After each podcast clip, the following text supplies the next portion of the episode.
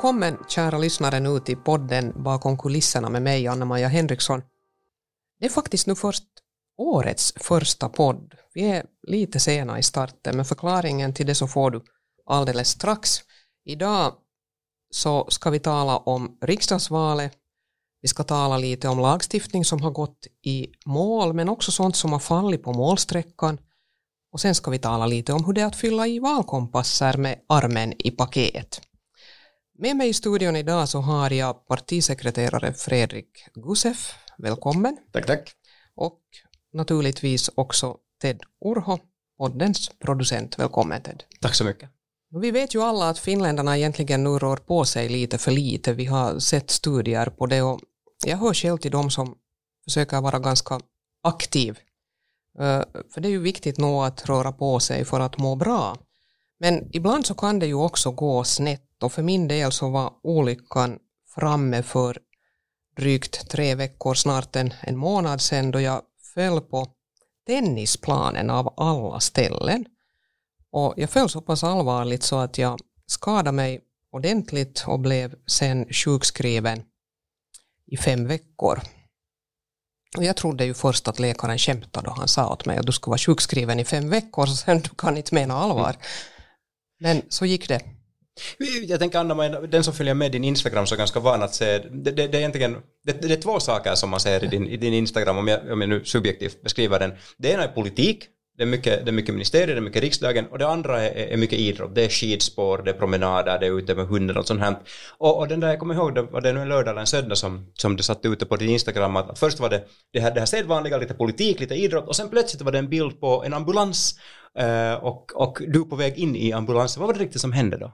No, det var ju exakt så här. Och det var ju så att jag var på väg, den där söndagen var jag på väg på en lång tjänsteresa till Sydafrika och på lördagen före så hade jag tänkt att nu är det viktigt att jag får ordentligt med motion idag, att jag hinner röra på mig för jag har en lång flygresa framför.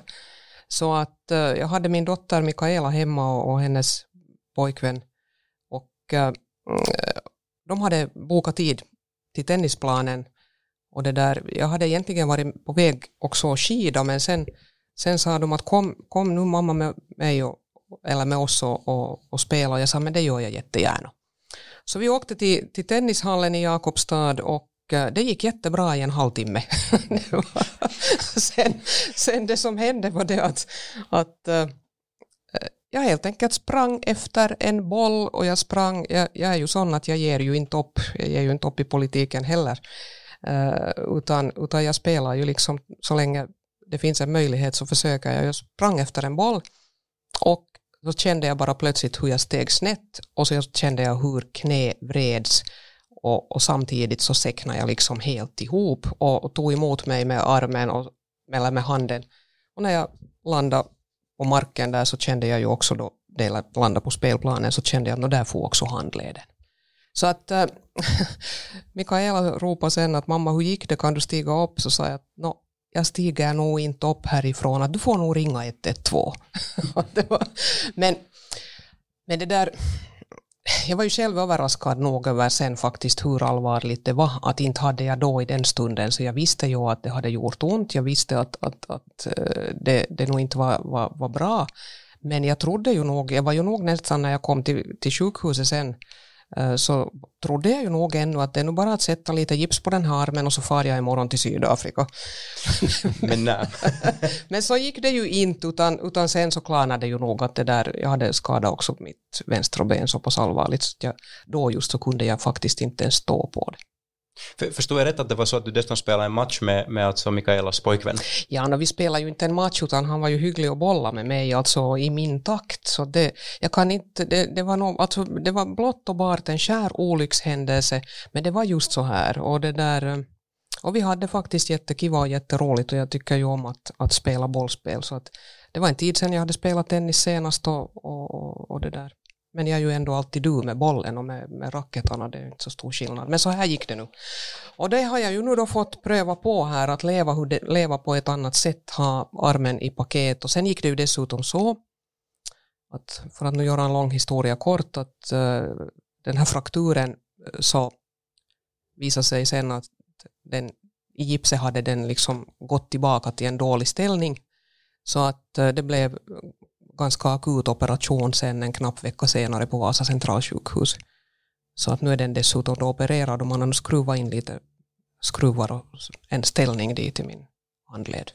Då, då det, man kan ju säga så här att tur i otur att du var och försvarade Vasa centralsjukhus för, för fyra år sedan. Och förstår jag rätt också att ja. det, har, det har byggts en ny by, byggnad som du invigde här för ett tag sedan. Du, du var alltså en av de första ja. klienterna, kunderna i, i den här nya tillbyggnaden också. Det var ju så alltså att den här H-byggnaden som man nu har byggt i Vasa där vid centralsjukhuset och nu tagit i bruk så så jag var och höll ett invigningstal där då tidigare på hösten och, och nu äh, när jag kom dit själv då som patient så, så berättar man när man förde mig då från, från akutsidan i Vasa upp till avdelningen så sa de här skötarna som förde mig att, att det är första gången som vi går den här vägen, att den här avdelningen dit du ska, så den har tagits i bruk i torsdag, så det här var alltså en lördag, det här var på lördag. Så att jag fick vara med där och, och, och, och, och, sen lite hjälpa också vårdpersonalen, för snart hade jag ju som insett hur man ska tända lamporna, hur man får eh, belysningen att lite, lite liksom tona ner. Alla nämligen stod och tryckte på de här, att hur ska man göra? Sen började jag säga att tryck där och tryck där. Så, så det, nej, men det, var lite, det var lite roligt. Men det var faktiskt det var, eh, ett vackert patientrum. Och det vackra var det att man hade en målning där på det som, är, som var liksom dörren till badrummet. En stor skjutdörr med en vacker, vacker ett vackert blomster på. Och det där piggade nog faktiskt upp. Jag uppskattade att man har satsat på den här konsten i sjukhuset.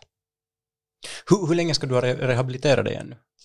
No, ännu, alltså jag är i praktiken sjukskriven till den 19 mars. Men att jag har ju börjat på nu sådär smått att jag, jag försöker, försöker göra lite saker varje dag och jag försöker gå lite längre promenader varje dag. Men jag går i och för sig med kryckor. Men, men det där, nu går det framåt hela tiden men jag kan inte bära någonting med min vänstra arm.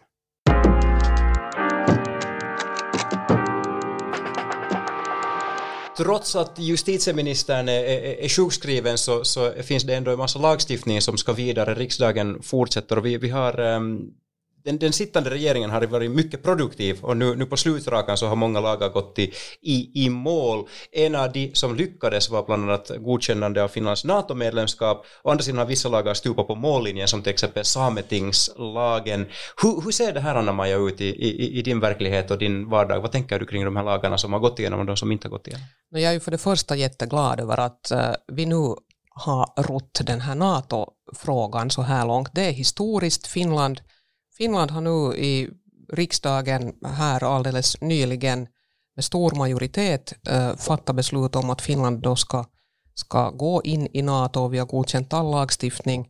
Jag var själv också med i den avgörande omröstningen avbröt så att säga min sjukledighet för den sakens skull för jag ville, ville vara där och trycka på den gröna knappen. Och hela riks, svenska riksdagsgruppen var ju på plats. Eh, mangrant, kvinnogrant kan vi säga.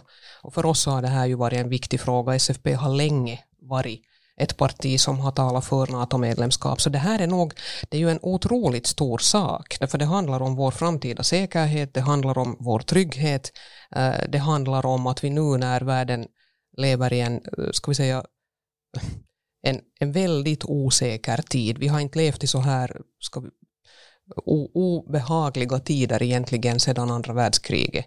Så är det ju för oss otroligt viktigt att vi nu finns med i rätt sällskap och att vi stärker vår egen säkerhet, landets säkerhet på bästa tänkbara sätt och därför är den här NATO-frågan nog eh, den är, den är liksom stor och den, jag har sagt det nu också att det, det för mig personligen det viktigaste beslut jag har varit med och tagit under mina snart 16 år i riksdagen.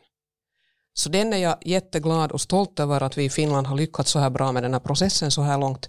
Eh, nu ska vi gå vidare, vi ska göra det tillsammans så långt vi bara kan med, med Sverige och, och så borde man ju snart också få få liksom några kloka besked från, från Ungern och Turkiet. Det har ju varit ganska mycket och fortfarande mycket ovisshet där och de spelar ju ett spel som, som man nu bara måste stå ut med på något plan. Men, men det där, jag tror att det ska lösa sig.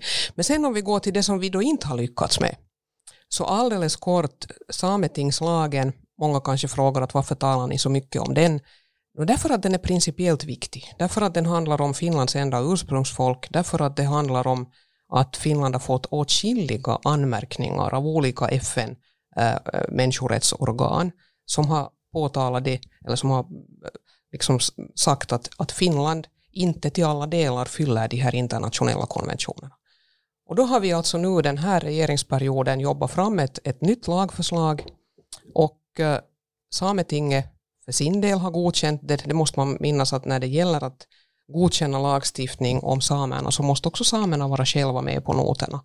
Och det organ som företräder samerna i Finland är Sametinget. Och dit väljs man. Och nu handlar det just eh, om att förnya den här sametingslagen så att den inte mera kränker samernas rätt till självbestämmande rätt. För det har kunnat komma in i Sametinget nu sådana människor som inte i grunden är samer men som kanske sysslar med renskötsel. Och det är det som har varit problemet. Bland annat. Men det som ju hände nu var det att eh, grundlagsutskottet där den här frågan då skulle avgöras så fattade beslut med rösterna 9-7 att man inte tänker ge något betänkande. Och i praktiken så det var grundlagsutskottet då gjorde var att man sa att vi tänker inte behandla det här till slut, vi tänker inte ge stora salen, det vill säga 199 riksdagsledamöter, talmannen räknas inte med, tänker inte ge stora salen en möjlighet att ta ställning till den här lagen. Och det tycker jag var oerhört svagt. Och då kan man säga att vem var det som stoppade? No, det var Samlingspartiet, det var Sannfinländarna och det var Centern. Uh, och, och, det var ju så att i regeringen redan så var ju Centern emot. De här samma har ju också tidigare uh, varit emot den här lagstiftningen. Fastän de också, Samlingspartiet faktiskt 2000 2014, 15 så var de faktiskt för eh, det förslag som jag då hade jobbat fram som dåvarande justitieminister. Det var Petter Jorpo, jord och skogsbruksminister. Men nu så tog man då det beslutet att nej, det här ville man inte föra vidare. Och det här är ett lågvattenmärke för Finland och det är pinsamt för oss. Och det värsta är nog det att jag ser inte riktigt att vad ska det vara för en regeringskoalition för att man överhuvudtaget ska få det här att lyckas. Och om jag säger riktigt som jag tänker så handlar det om det att de här större partierna, speciellt Centern men också Samlingspartiet, är rädda för sina egna riksdagsmandat i Lapplands valkrets. Och det, det, var ju också Socialdemokraterna då när det begav sig 2015, för då föll den egentligen på grund av både sossarna och Samlingspartiet som i det sammanhanget drog bort sitt tidigare stöd som de hade gett till regeringen, men de drog bort det sen i riksdagen. Så den här frågan har varit liksom länge på agendan, den har över tolv år och, och man har inte lyckats nå resultat. Man kan inte skylla på tidsbrist. Det finns också en annan lag som, som du har jobbat med eh, på det personliga planet också sen föregående gång du var justitieminister 2011 till 2015. Vill du berätta lite om den? Ja, jag tänkte, tänkte berätta om, om, kort om det att eh, det finns en lagstiftning som handlar om besöksförbud som vi kallar det. Alltså, för det mesta är det kvinnor som blir utsatta för våld i hemmet eller som, som riskerar att bli utsatta för våld i hemmet så kan kan söka om någonting som man kallar till besöksförbud hos domstolen. Och den lagstiftningen så den har inte fungerat bra idag. Den har, den har inte kunnat liksom förverkligas på tillräckligt effektivt sätt. Och det som vi nu har gjort så har vi gjort en lagändring som gör att, att när man dömer ut ett besöksförbud så kan man också döma eh, den som blir liksom eh, förbjuden att närma sig den andra personen. Man kan eh, liksom döma det på det sättet att den personen måste ha en sån här övervaknings, ett övervakningsarmband, en fotboja av något slag på sig så att man kan se var den personen rör sig. Och det här möjliggörs nu från och med i höst och samtidigt så gör man det också avgiftsfritt att söka det här besöksförbudet. Det har hittills kostat närmare 200 euro tror jag det är. Och ifall att domstolen eh, skulle ha fatta ett beslut att man inte dömer ut besöksförbud så har den som har sökt det varit tvungen att betala det själv.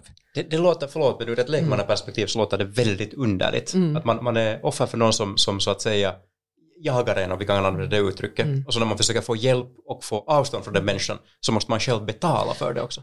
Ja, men det var alltså så att om du, har, om du fick det där, om, du, om det blev godkänt av domstolen så behövde du inte betala det, men om det inte blev godkänt och domstolen ansåg att du inte no, att du, du behöver nog inte det besöksförbudet, det är inte så allvarligt. Så då har du varit tvungen att betala det själv. Och jag har ju tyckt att det här har varit dåligt och därför var jag väldigt mån om det nu den här regeringsperioden, att vi skulle få det ändrat. Och nu har vi ändrat det och det här träder i kraft nu i höst. Så det här plus den här stora sexualbrottslagstiftningsreformen som vi har gjort så är bland annat nu två utmärkta exempel på vilket sätt Svenska folkpartiet har jobbat för att stärka vars och ens äh, sexuella självbestämmanderätt men också kvinnors och flickors äh, rättigheter på ett betydligt bättre sätt än hittills.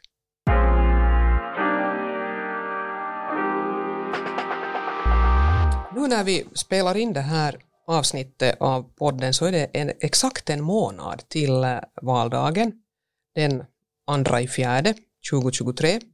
Och för första gången i Svenska folkpartiets historia så har vi nu kandidater i samtliga tolv valkretsar på, på fastlandet och det här är någonting som jag är oerhört stolt över. Fredrik Gusef, eh, partisekreteraren vår, Eh, hur känns det att få vara partisekreterare den första i historien eh, och ha kandidater i hela landet? No, visst eh, känns det ju stort att, att vi äntligen har nått, nått det här för att det är klart att när vi tittar tillbaka så, så behöver vi inte gå så hemskt långt tillbaka i historien för att, att se val där vi haft kandidater i enbart fyra valkretsar och, och av då var det 14 valkretsar på fastlandet och, och, och, och nu har vi då stegvis öka det här till sex valkretsar, till åtta valkretsar och till nio valkretsar och nu då för första gången alla tolv valkretsar på fasta Finland och, och, det är klart att det här är nog en milstolpe i SFPs historia. Det innebär ju också att eh, vi, vi gör rekord när det gäller antalet kandidater och, och, och, så, så att, att, och vi ser det nog som en stor grej att, att vi faktiskt nu ger en möjlighet åt alla finländare att rösta på, på oss i kommande val och det här är ju någonting som man kan se som en rättighet.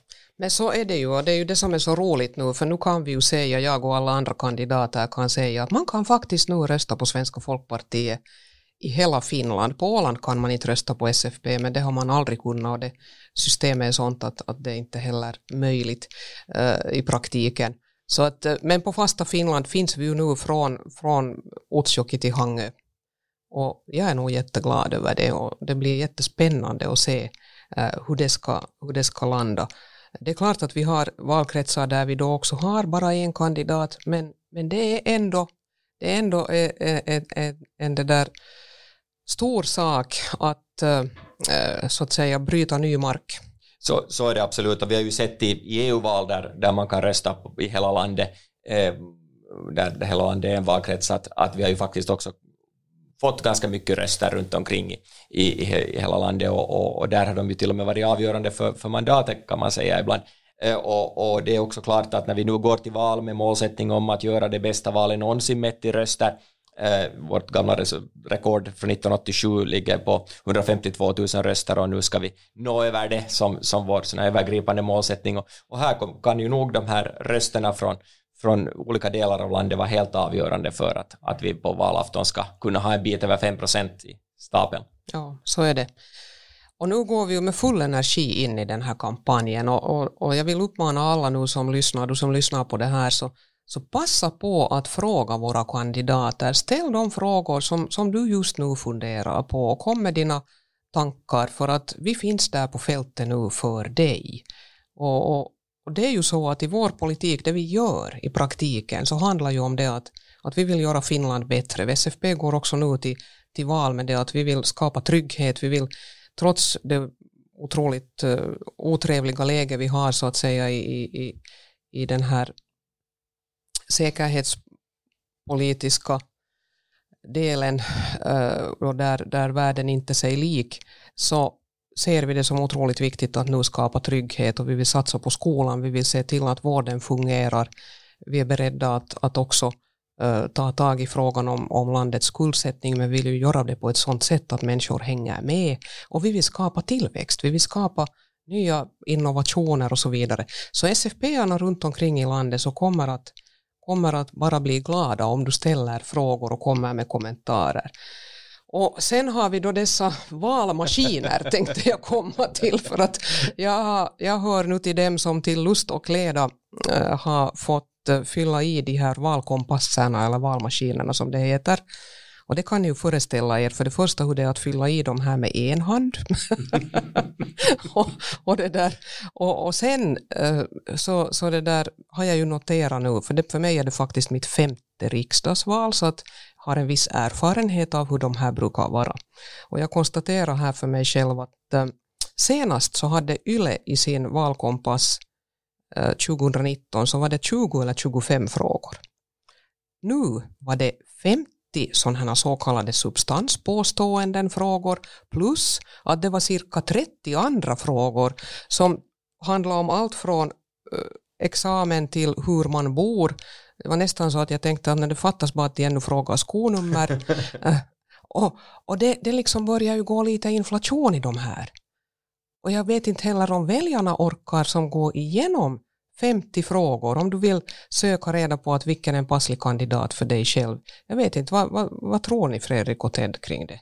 Ja, det är klart att, att nu finns det ju en risk att gränsen kommer emot vad, vad man orkar fylla i helt enkelt, att, att det, där, där måste man ju nog vara på alerten från, från eh, producenternas sida att, att det inte blir för komplicerat. Det som ju nog med valmaskiner dess, eller valkompasser är jätteirriterande är också det att, att när det är påståenden som du ska ta ställning till som ibland kan vara motsägelsefulla eller där du inte riktigt håller med om, om, om vissa delar av påståendena och det, den här biten är lite jobbig i, i, i de här valkompasserna nog. Men det är ju just så här och det, ofta är det så att det finns inte möjlighet ens att säga att det kan vara ett påstående som är sånt att, att att man kan faktiskt inte egentligen ta ställning till det men ändå tvingas man att säga att ja, jag, jag håller helt med eller delvis med eller jag håller inte med eller jag håller, äh, håller delvis inte med. Men att, att, att säga att det här är en sak som, som faktiskt måste utredas, att, att jag ser fördelar och nackdelar med den, så det går inte att svara. Och världen är ju faktiskt inte så svartvit och det tycker jag själv är en, en bristvara i de här valkompassarna här efter. Och det verkar ju som att man dessutom söker Eh, den typen av påståenden och frågeställningar som ska liksom polarisera så mycket som möjligt. Exakt så där är det ju och, och, och det, det, har kanske varit lite tråkigt när man har kunnat titta, det var en, en, en kvällstidningsvalkompass här som, som ju hade den där frågan om att man får inte säga någonting längre. Mm. Och nu svarar du på en skala från 1 till 5 när det gäller det för att hela påståendet är populism. Eh, och, och, och, det där, eh, och, och sen så blir det ju ännu mer tokigt om de använder den här typens frågor för att bygga upp en höger-vänster liberal konservativ Exakt. dimension. Eh, och, och, och det här ser vi ju ganska tydligt till exempel att att, att då, då Helsingin Sanomats valkompass eh, partikarta så stämde väldigt bra överens med var mm. SFP placerar Exakt. sig där på lite till höger om mittlinjen och, och, och, och, på den liberala sidan på, när det gäller värderingarna medan sen då den här Iltalehti maskinen så hamnar vi lite snett just vänster om mittlinje, vilket enbart handlar om frågeställningen och Exakt. inte mätare på ja, var man står. Jag noterade samma och jag kände inte alls igen mig. Och jag tänkte att det måste vara något fel på de här frågorna faktiskt. ja, alltså det, det, det, är ju det att den är uppbyggd så att man ska ja, få, få ju ja, som en polarisering ja. där och det är ju lite tråkigt att, att det, det, det, finns nog tillräckligt mycket verklig substans att diskutera riksdagsvalet också. Så är det. Så är det. På vilket sätt syns vi sådär konkret runt om i landet?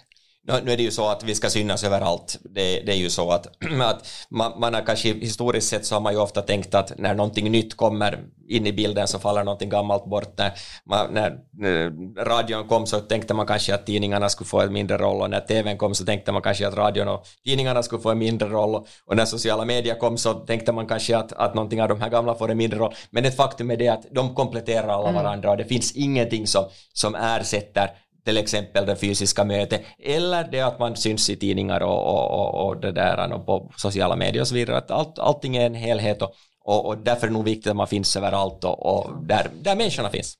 Det, det, som har varit nytt, jag läste i dagens huvudstadsblad att, att eh, där du Fredrik hade uttalat dig just om, om det här med, med problem med att köpa köpa synlighet på, alltså köpa reklam så att säga på, på Facebook och Instagram. Va, vad är det det handlar om? Det, det är ett demokratiproblem, sa du i tidningen. ja, nu är, det här är nog någonting som man kan se som ett demokratiproblem. Att det, vi vet ju att, att det finns ett, ett bolag som har en väldigt dominerande marknadsposition när det gäller sociala medier. Mm. Och, och, tanken har ju förstås varit väldigt god att man då ställer vissa krav för att man ska kunna köpa synlighet i, i, i politiska frågor för att undvika att, att man externa aktörer ska kunna, kunna det där, de, påverka eh, utifrån på ett osunt sätt. Men det som dessvärre har hänt här så är att, att barnen har åkt med badvattnet och man har gjort ett system som i det här fallet då inte riktigt fungerar ens tekniskt, eh, vilket då gjorde det att det, vi har många kandidater eh, som har inte haft en möjlighet att köpa reklam här eh, under en väldigt viktig tid när det gäller upptakten inför valet och, och, och det här är en bra påminnelse om det att, att hur jobbigt det blir när en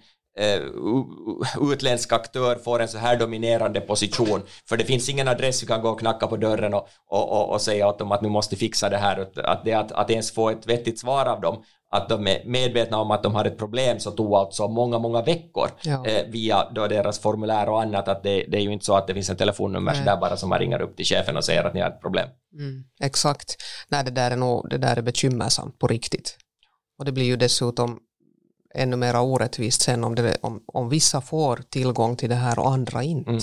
Ja, ja, alltså jag menar det är ju lite det. som om, om, om mitt i allt det, tidningen skulle komma på att, att för att du ska kunna eh, annonsera i husis så, så skulle du måste först registrera dig och sen skulle inte systemet funka medan en del då kan ha annonser i tidningen och andra inte. Eh, det, det skulle nog vara väldigt konstigt. Ja. Eh, så att, att det, det, här är nog inte det här är problematiskt och, och, och har verkligen vållat huvudbry för kandidaterna. Du sa, eh, Anna-Maja, att, att det här är ditt femte eh, riksdagsval och, och, då tänker jag att i det skedet så, så är du ganska bekant bland, bland väljarna och publiken, eh, allmänheten, så att folk kommer säkert till dig. Men, men då du började så var det ju kanske tvärtom så att du, du måste söka dig till, till, till väljarna. Vad har du för tips för, till de som, som ställer upp nu i, i, i sitt första eller kanske andra riksdagsval? Vad, vad är ett bra sätt att närma sig väljaren på, på torget när man ska gå ge sin flyer eller ballong eller godis eller grillkorv eller vad man nu har? No, nu är det ju det att man, man ska själv vara aktiv, man ska inte vara rädd för att tala med väljarna. Att, att det där, man ska gå med sin flyer och säga att hej, att vill du ha en flyer? Har du något som du funderar på? Alltså jag tror att det är det där att man, man ska inte bara vänta på att väljarna kommer fram till en själv. Utan man ska liksom nog vara, vara också aktiv. Sen tror jag ju att det, det hjälper till om man i, i, i det där lokala medier också skriver insändare och så här. Nu vet jag ju att vi inte har lokala medier på alla ställen i vårt land som tar in insändare, inte ens på svenska. Eh, för att det, det, är lite, det finns liksom inte lika många lokaltidningar här söderöver kanske, som det finns i Österbotten till exempel. Men, men det gäller nog att vara aktiv på många olika sätt och jag tror att man ska inte vara blyg heller. Sen ska man ju förstås inte vara påflugen. Men, eh, men det där, det är ju en, en sån här kombination av det ena och det andra. Själv tyckte jag om redan i mitt första val att, att också vara där och steka plättar och jag, jag gillade fortfarande att stå själv och steka de där plättarna samtidigt som jag talar med människor. Mm. Och, och, och, då kan man tala om allt möjligt mellan himmel och jord och, och det är väder och vind men det är också politik.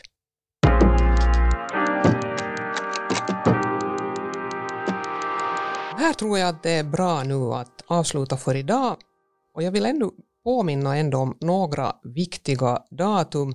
Valdagen är alltså på söndag den 2 april och förhandsröstningen den börjar redan den 22 mars och pågår till den 28 mars. Och sen ska man komma ihåg om man bor utomlands och inte eventuellt har möjlighet att gå till beskickningen till ambassaden där man kan rösta så kan man också brevrösta och då ska man beställa det här brevröstningsmaterialet på förhand och det får man från justitieministeriet. Det finns på ministeriets hemsida. Det kräver en viss aktivitet men jag vet att man på Svenska folkpartiet också gärna hjälper till om det finns frågor kring det här med hur man brevröstar om man bor utomlands. Så att eh, med de här datumen i minne så vill jag passa på att tacka både Fredrik och eh, Ted för dagens diskussion och eh, det finns ingenting som är så värdefullt som att få bo i en demokrati, att få gå och rösta och få välja vem som ska fatta besluten i vårt eget goda fosterland. Så kom ihåg att gå och rösta. Det är då du har som mest makt.